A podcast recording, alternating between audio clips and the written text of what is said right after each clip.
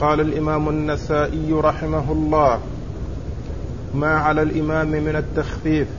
وقال أخبرنا قتيبة عن مالك عن أبي الزناد عن الأعرج عن أبي هريرة رضي الله عنه عن النبي صلى الله عليه وسلم أنه قال إذا صلى أحدكم بالناس فليخفف فإن فيهم السقيم والضعيف والكبير فإذا صلى أحدكم لنفسه فليطول ما شاء. بسم الله الرحمن الرحيم. الحمد لله رب العالمين.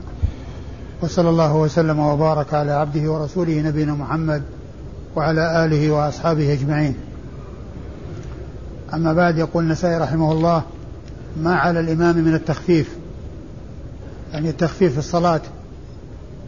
وهو كون الإمام يراعي حال المأمومين فيخفف في صلاته مع إتمامها وعدم التقصير في شيء مما هو لازم فيها وذلك يعني بمراعاة أحوال المأمومين. فهذا التخفيف حيث يكون هناك ما يدعو إليه مما جاء بيانه في السنة عن رسول الله صلى الله عليه وسلم من وجود المريض والكبير وكذلك السقيم وذو الحاجة. فالحاصل أن الإمام يراعي حال المأمومين لكن ذلك مع إتمام الصلاة وعدم التقصير في شيء من أركانها وما هو لازم فيها. وقد أورد النسائي حديث أبي هريرة رضي الله تعالى عنه أن النبي عليه الصلاة والسلام قال إذا صلى أحدكم للناس أو في الناس فليخفف فإن فيهم فإن فيهم السقيم السقيم والضعيف والكبير. فإن فيهم السقيم والضعيف والكبير. وإذا صلى أحدكم لنفسه فليطول ما شاء. إذا صلى الإنسان لنفسه يطول ما شاء. إن أراد أن يخفف وإن أراد أن يطول. أمر التطويل إليه لأنه أعرف بحاله وأما إذا صلى بغيره وهو إمام فإنه يراعي حال المأمومين. فقد يكون فيهم كبير لا يستطيع هذا التطويل. قد يكون فيهم مريض لا يستطيع يعني هذا التطويل. قد يكون فيهم ضعيف الخلقة أو على إثر مرض يشق عليه ذلك ولا يستطيع ذلك التطويل. الرسول عليه الصلاة والسلام أرشد إلى التخفيف لمراعاة هذه الأمور لكن هذا التخفيف مع الإتيان بالصلاة على الوجه الأكمل دون أن يكون هناك تقصير بمعنى أنه يتم الركوع والسجود وكذلك القراءة يقرأ القراءة المناسبة التي لا يترتب عليها مشقة ومضرة للناس الذين يصلون وراءه. ولهذا النبي عليه الصلاة والسلام فرق بين حالة كون الإنسان يصلي وحده وأنه يطول ما شاء إذا أراد وبين كونه يصلي للناس ويصلي بالناس فيراعي أحوالهم ولا يشق, يشق عليهم ولا يكلفهم ما لا يطيقون. وإنما عليه أن يخفف كما أرشد إلى ذلك الرسول الكريم صلوات الله وسلامه وبركاته عليه. ثم في الحديث إشارة إلى المحافظة على الصلاة إلى صلاة الجماعة وذلك أن فيه أن فيه ذكر المريض وذكر الكبير وذكر الضعيف ومعنى هذا التنبيه إلى حضور الجماعة وإلى أن الجماعة يحضرها آه، الرجال ولو يعني يجب على الرجال أن يأتوا بالصلاة جماعة ويأتوا إلى المساجد.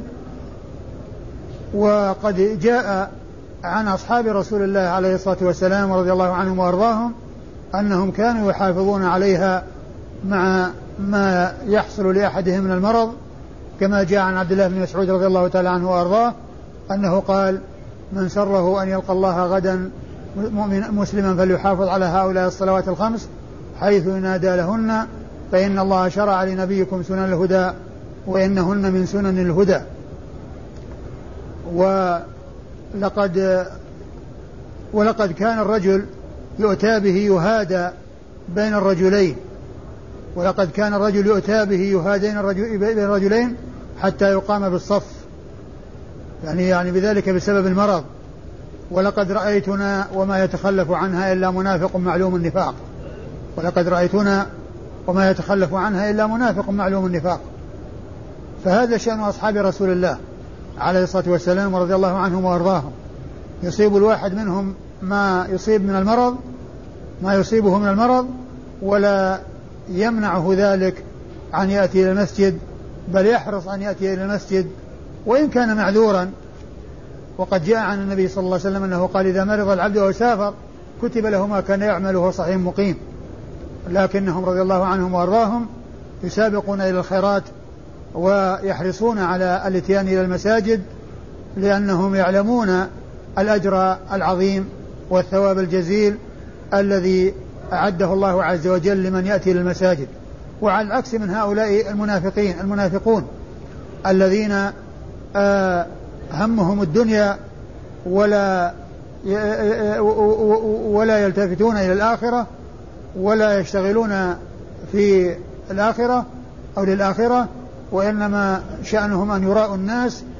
وقد أخبر النبي الكريم عليه الصلاة والسلام أنه قال وقد قال عليه الصلاة والسلام آآ آآ ولو يعلمون ما فيهما من الأجر لأتوهما ولو حبوا يعني صلاة العشاء والفجر. أثقل الصلاة على المنافقين صلاة العشاء والفجر وصلاة الفجر ولو يعلمون ما فيهما من الأجر لأتوهما ولو حبوا ف وأصحاب الرسول عليه الصلاة والسلام يعلمون ما فيها من الأجر ولهذا يأتي الواحد منهم وهو مريض. حتى يقام في الصف.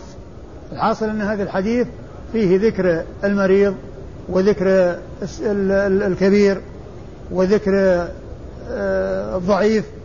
ومعنى ذلك أن هؤلاء يحضرون الجماعة وأن أن المسلم يحافظ على الجماعة.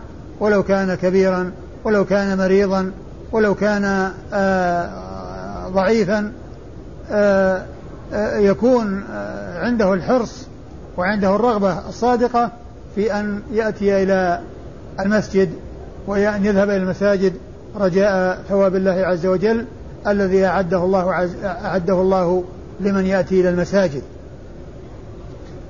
وأما إسناد الحديث فيقول النسائي أخبرنا قتيبة. قتيبة وهو ابن سعيد بن جميل بن طريف البغلاني الثقة الثبت آآ الذي خرج خرج له أصحاب الكتب الستة.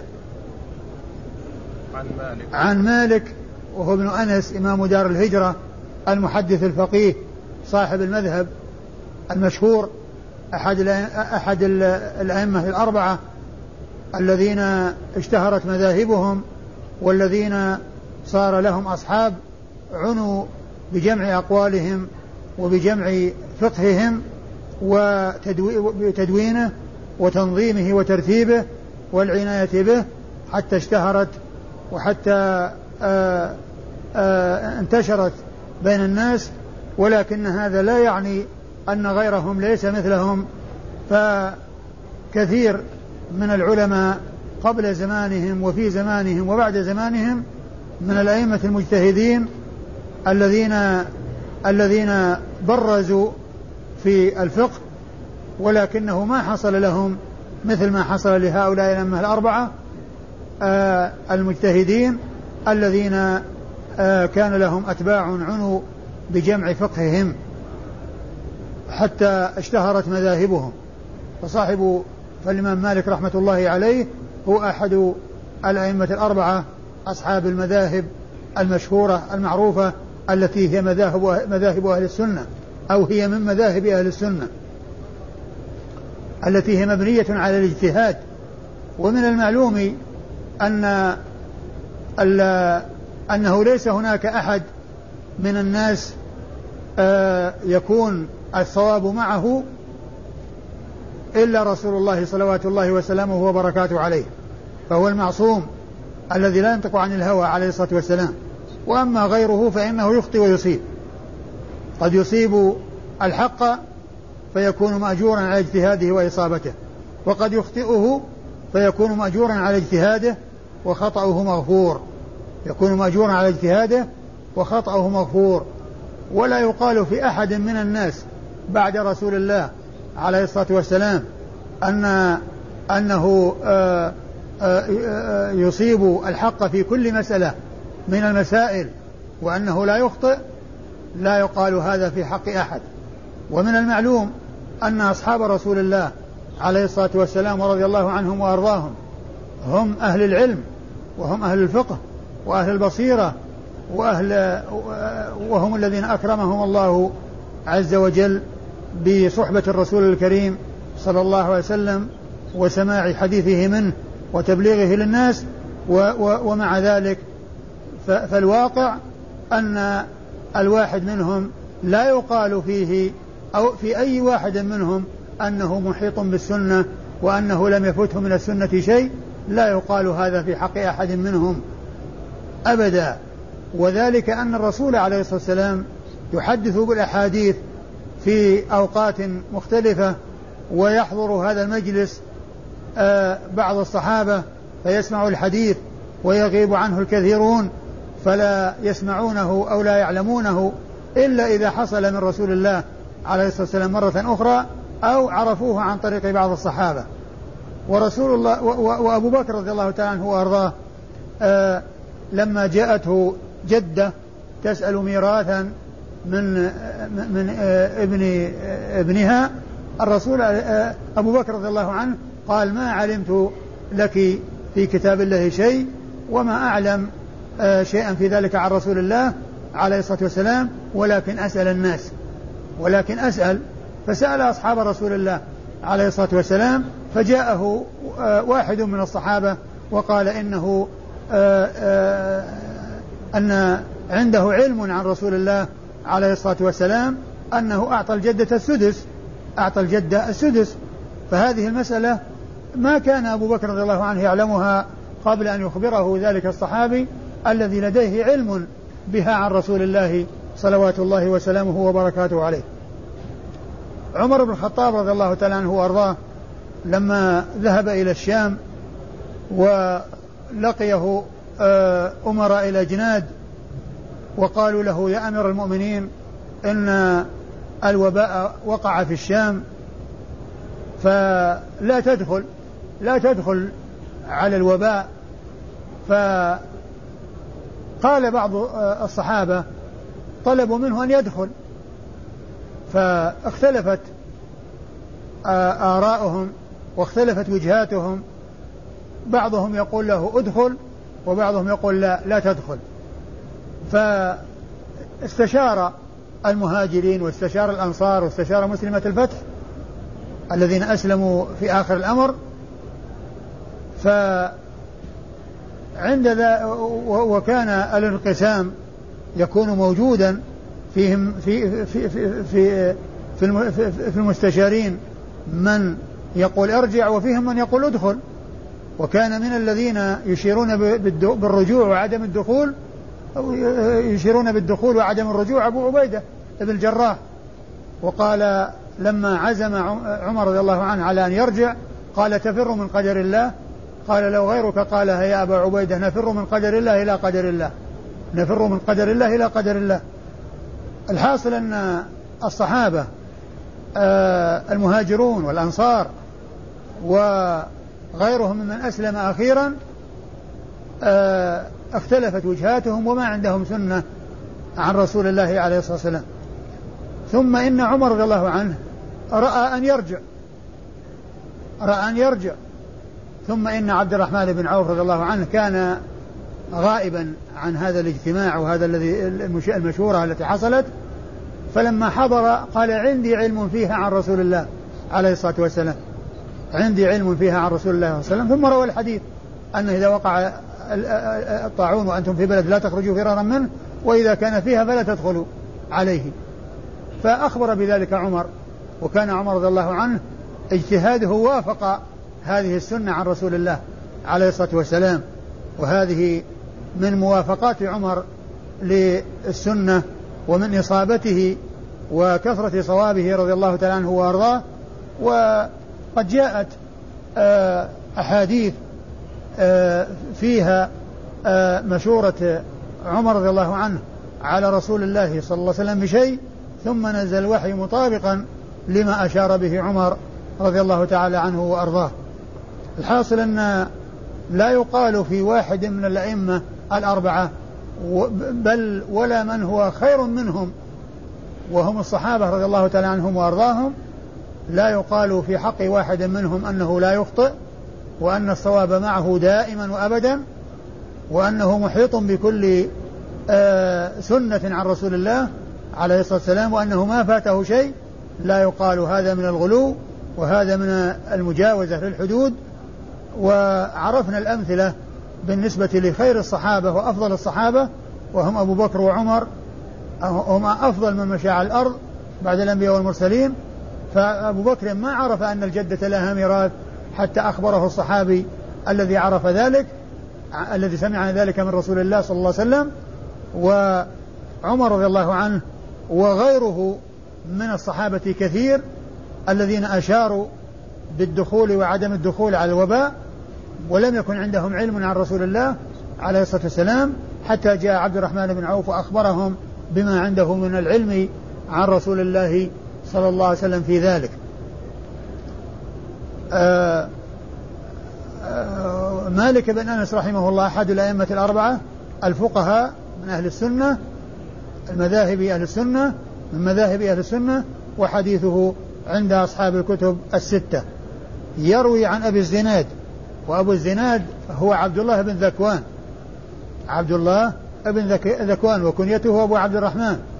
وهو مشهور بأبي الزناد وهي لقب له. وهو ثقة خرج حديثه أصحاب الكتب الستة. يروي عن عن الأعرج. يروي عن الأعرج وهو عبد الرحمن بن هرمز المدني. عبد الرحمن بن هرمز المدني لقبه الأعرج. ومشهور بلقبه ويأتي ذكره باللقب كما يأتي ذكره بالاسم وهذا من أنواع علوم الحديث التي أشرت إليها مرارا وتكرارا وهو أن أن من من الأمور المهمة في علم المصطلح معرفة ألقاب المحدثين وفائدة معرفتها ألا يظن الشخص الواحد شخصين فيما إذا ذكر مرة باسمه ومرة بلقبه فإن من لا يعرف ذلك يظن أن الأعرج هو غير عبد الرحمن بن هرمز. لو جاء في إسناد عبد الرحمن بن هرمز وجاء في إسناد آخر الأعرج يظن هذا شخص وهذا شخص. والذي يعلم أن هذا لقب لهذا لا يلتبس عليه ذلك. وحديثه أي الأعرج عبد الرحمن بن هرمز عند أصحاب الكتب الستة. يروي عن أبي هريرة رضي الله تعالى عنه صاحب رسول الله صلوات الله وسلامه وبركاته آه عليه. ورضي الله تعالى عن الصحابة أجمعين وهو أحد وهو, وهو أحد السبعة المكثرين من رواية حديث رسول الله صلى الله عليه وسلم بل هو أكثر السبعة حديثا وهو أكثر الصحابة على الإطلاق حديثا رضي الله تعالى عنه وأرضاه.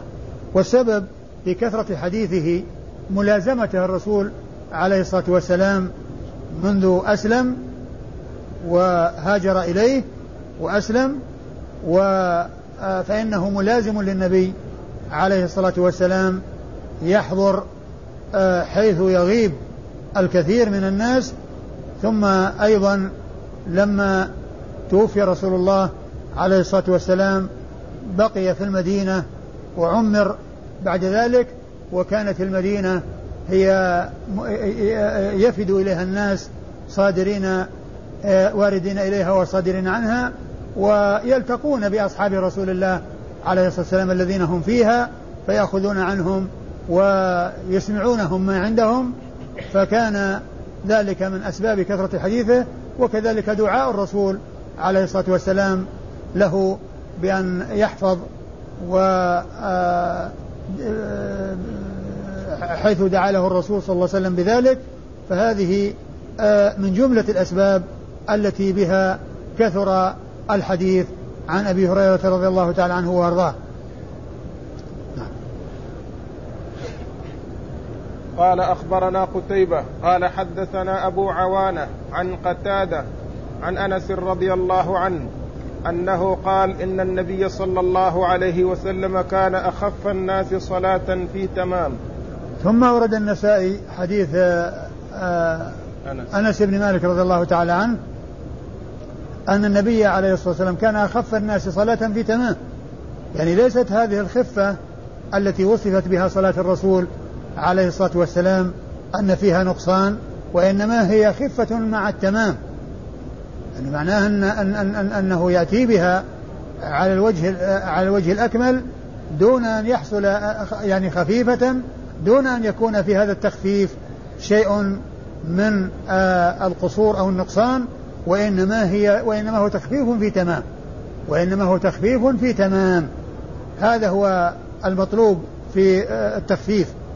أن تكون تامة لا نقص فيها ولا خلل ويؤتى بالأركان والواجبات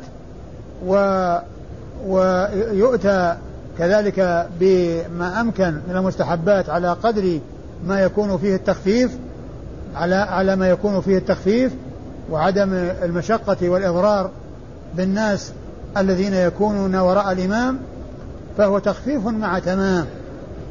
هكذا وصف أنس صلاة رسول الله صلى الله عليه وسلم وهو دال على أن الإمام عليه أن يخفف لكن مع تمام الصلاة وعدم آه، حصول شيء يخل بها آه، من آه، نقص شيء فيها. وأما إسناد الحديث فيقول سيخبرنا قتيبة وقد مر ذكره في الإسناد الذي قبل هذا عن أبي عوانة وأبو عوانة هو الوضاح بن عبد الله اليشكري الواسطي وهو ثقة ثبت خرج حديثه أصحاب الكتب الستة وهو مشهور بكنيته مشهور آه، بكنيته أبو عوانة ويوافقه في هذا الاسم وهو متأخر منه أبو عوانة صاحب المسند والمستخرج أو المستخرج أو الصحيح لأنه يقال لكتابه المستدرك على صحيح مسلم المستخرج على صحيح مسلم يقال له المستخرج ويقال له الصحيح ويقال له المسند وهو مسند وكذلك هو أيضا صحيح ويعني آه، مبني على استخراج على كتاب صحيح وكذلك أيضا آه، يسمى المستخرج لأنه استخرجه على كتاب مسلم بمعنى أنه يأتي بالأحاديث التي رواها مسلم بطرق لا يلتقي فيها أو لا يمر بها على مسلم وإنما بشيخه أو من فوق شيخه. هذه هي المستخرجات. فأبو عوانة الذي هو صاحب المستخرج غير هذا. هذا متقدم وذاك متأخر. هذا متقدم وذاك متأخر. هذا من طبقة شيوخ شيوخ أصحاب الكتب الستة. وأما ذاك فهو متأخر. عن قتادة. عن قتادة هو بن دعامة السدوسي البصري وهو ثقة خرج حديثه أصحاب الكتب الستة. عن أنس بن مالك صاحب رسول الله صلى الله عليه وسلم وخادمه وأحد السبعة المكثرين من رواية حديث رسول الله صلى الله عليه وسلم. وهذا الإسناد من أعلى الأسانيد عند النسائي لأنه من الرباعيات قتادة قتيبة يروي عن أبي عوانة وأبو عوانة يروي عن عن قتادة وقتادة يروي عن أنس ابن مالك. فإسناده أربعة أشخاص وهذا هو أعلى الأسانيد عند النسائي لأنه ليس عنده شيء من الثلاثيات.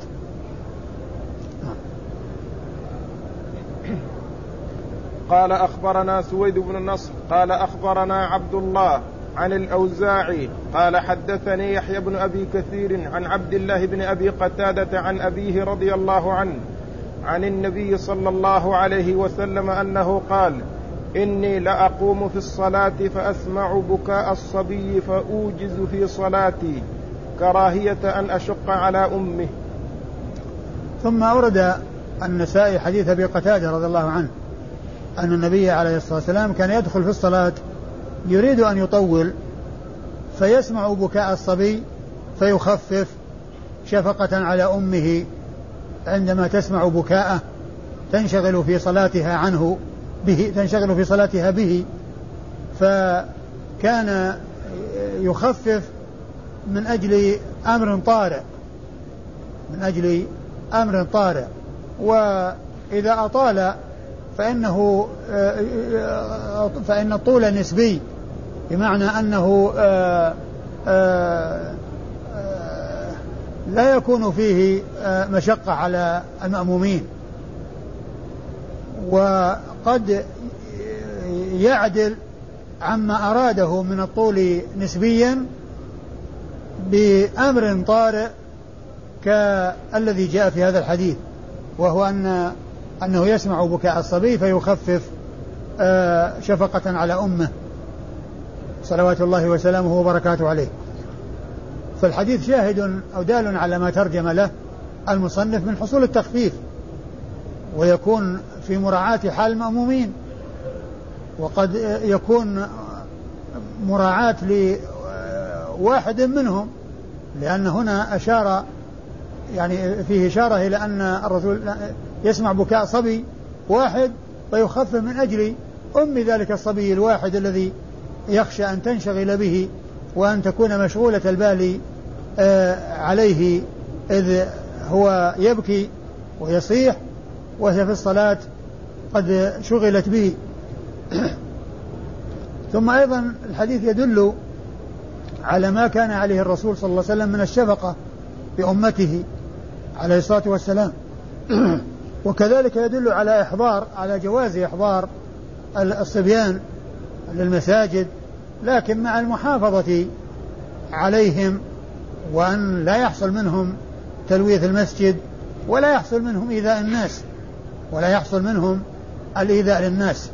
فإن هذا الحديث يدل على إحضار الصبيان أو النساء إحضارهن صبيان الصبيان معهن لأن هذا الحديث يدل على ذلك. الإسناد؟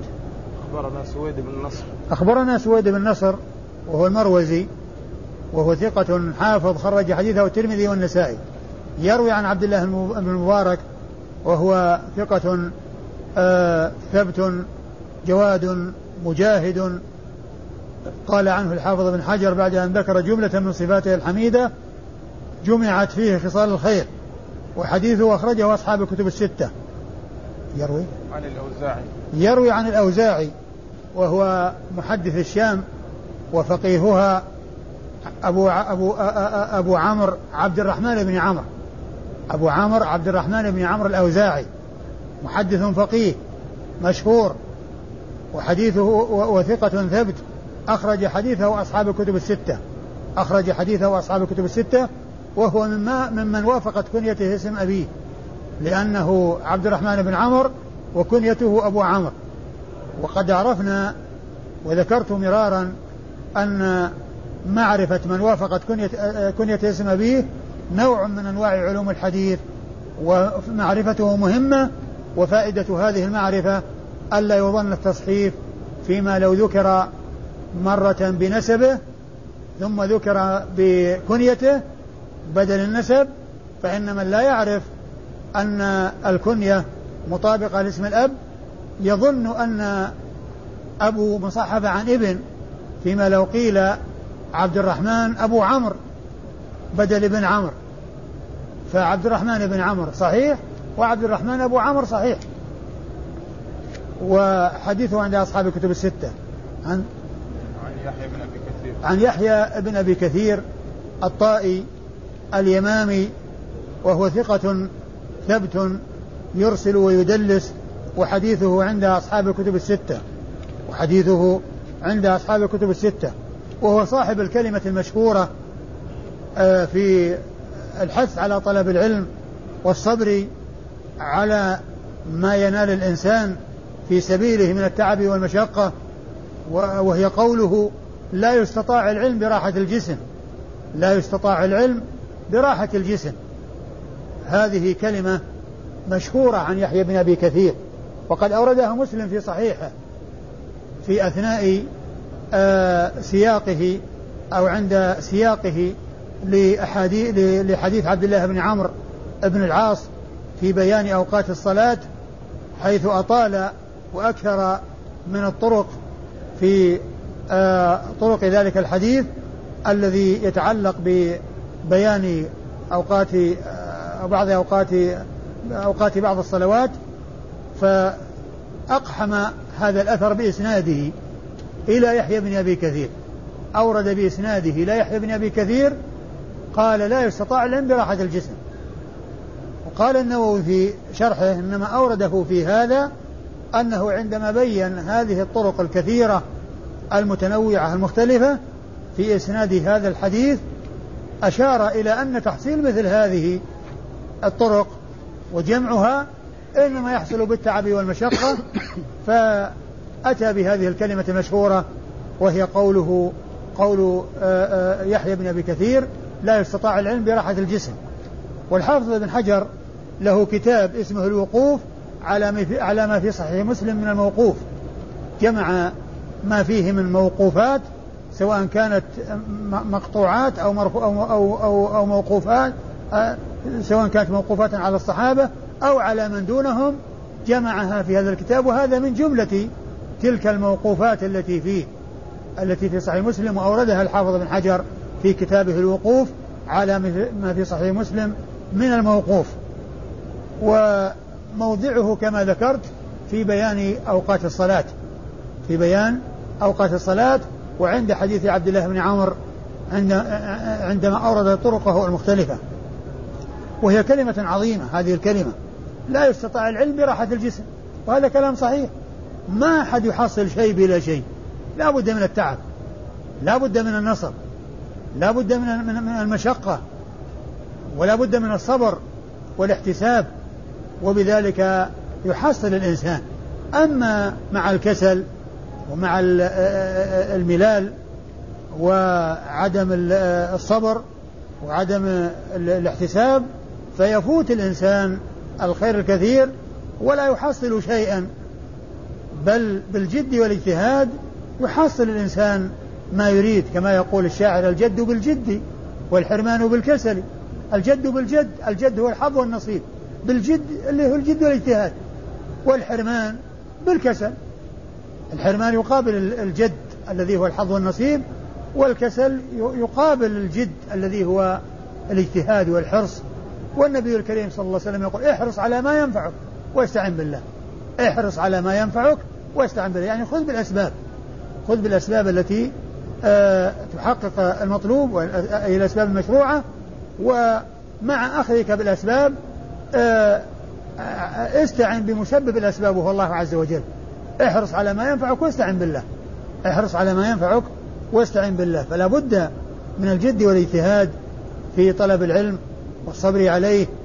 ولا بد من ولا يحصل الإنسان الشيء إلا بالتعب والنصب والمشقة. ويقولون ملء الراحة لا يدرك بالراحة. يعني الشيء القليل الذي يكون على مقدار راحة اليد لا يدرك بالراحة. التي هي عدم التعب والنصب والمشقة.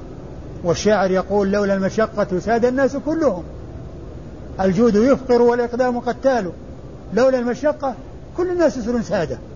لكن لما كان السؤدد ما يحصل المشقة وما كل يصبر على المشقة ما يحصل كل كل ما ليس كل أحد يحصل السؤدد وإنما يحصله من صبر. وإذا نظرنا في آه، سير العلماء الماضين الذين آه، آه، الذين ألفوا المؤلفات الكثيرة والذين انتشر علمهم وظهر علمهم وبقي علمهم بعد موتهم بمئات بمئات السنين ما حصل ذلك لهم إلا بالتعب والنصب والمشقة. مع أن الإمكانات كانت تختلف عن الإمكانات في هذا الزمان. قبل ذلك فيما مضى كان الواحد يسافر من أجل حديث واحد مدة شهر كامل على الإبل. شهر كامل من أجل يحصل حديث واحد يرحل لمدة شهر من أجل أن يحصل حديثا واحدا. تعب ونصب ومشقة. ثم ال ال عندما يحصل الفوائد ما يحصله إلا عن طريق الكتابة. يعكف على كتابتها. أو يكلف ويستأجر من يكتبها ثم يقابلها بعد الفراغ من كتابتها. ما عندهم ثم أيضا الإضاءة وعندما يكون يعني في آه، يشتغل في الليل ما عندهم آه، إلا يعني آه، إضاءة كما هو معلوم فيها ما فيها من من من الضآلة ومن النقصان الذي يعني ما يحصل به التمكن مما يريد كما ينبغي. لكن الجد والاجتهاد والصبر والاحتساب هو الذي جعل مع توفيق الله عز وجل جعلهم تبقى يبقى ذكرهم وتخلد آثارهم ويستفيد الناس من علمهم بعد موتهم بمئات السنين. بعد موتهم بمئات السنين ثم أيضا هذه الثروة الهائلة التي خلفوها من العلماء من يؤلف المؤلفات كلها بخط يده كلها يعني فيها جهود مضنية كل هذا ما حصل إلا بالنصب وكل ما هذا ما حصل لا. فالسؤدد الذي حصلوه والذكر الحسن الذي حصلوه ما حصل بلا شيء ما حصل من فراغ كما يقولون وإنما حصل من تعب. وحصل من نصب وحصل من مشقة. لولا المشقة ساد الناس كلهم. الجود يفطر الإنسان إذا كان عنده المال ما كل يجود به. يعني يخشى أنه يروح ماله يبقى فقير. والإقدام قتال. يعني كل إنسان يقدم في الوغاء ما كل يقدم ويصبر وإنما يخشى من الموت. فلا يحصل منه الإقدام. لكن من جد واجتهد وصبر واحتسب هذا هو الذي يحصل النتائج الطيبة ويحصل الفوائد الكبيرة و ومن وهذه الكلمة التي التي قالها هذا الرجل ويحيى بن ابي كثير وهي قوله لا يستطاع العلم براحة الجسم كلمة عظيمة كلمة عظيمة مهمة يعني هي صادقة وهذا هو الواقع. لا يستطاع العلم براحة الجسم. الإخلاد إلى الراحة ما يكون وراءه نتيجة ليس وراءه إلا الخمول وليس وراءه إلا الكسل وليس وراءه إلا البطالة والضياع. ولكن كما يقولون من جد وجد ومن سار على الدرب وصل ومن قعد عن العلم وأخلد إلى الراحة لا يحصل شيئا. ومن صبر واحتسب وأتعب نفسه وأشغل نفسه في في تحصيل ما هو نافع فإنه يحصل بإذن الله عز وجل آه، مراده.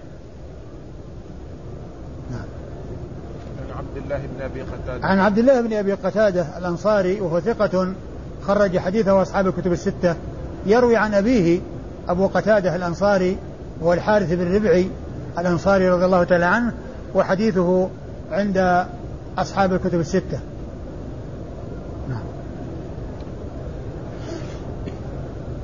قال الرخصة للإمام في التطويل. وقال أخبرنا إسماعيل بن مسعود قال حدثنا خالد بن الحارث عن ابن أبي ذئب قال أخبرني الحارث بن عبد الرحمن عن سالم بن عبد الله عن عبد الله بن عمر رضي الله عنهما أنه قال كان رسول الله صلى الله عليه وسلم يأمر بالتخفيف ويؤمنا في الصافات. ثم ويؤمنا بالصافات. ثم أورد النسائي هذه الترجمة هي الرخصة للإمام في التطويل. يعني الأصل هو التخفيف ولكن يعني يمكن أن يطول في بعض الأحيان لكن مع مراعاة أحوال المأمومين. مع مراعاة أحوال المأمومين. ف فالتطويل مرخص فيه. ولكن حيث لا يحصل به إضرار على أحد. وحيث لا يحصل به مشقة كبيرة على أحد. وقد أورد النسائي في هذه الترجمة حديث ابن عمر. حديث ابن عمر. إيه؟ حديث عبد الله بن عمر رضي الله تعالى عنهما أن النبي عليه الصلاة والسلام كان يأمرهم بالتخفيف ويأمهم بالصافات. يعني كان يأمر بالتخفيف ويرشد إلى التخفيف ويأم بالصافات يعني سورة الصافات يعني يقرأ بها يقرأ بها. و وهو طول نسبي والتطويل والتخفيف هي من الأمور النسبية. هي من الأمور النسبية الأمور الإضافية. قد يكون الشيء طويلا باعتبار وخفيفا باعتبار. طويلا باعتبار وخفيفا باعتبار.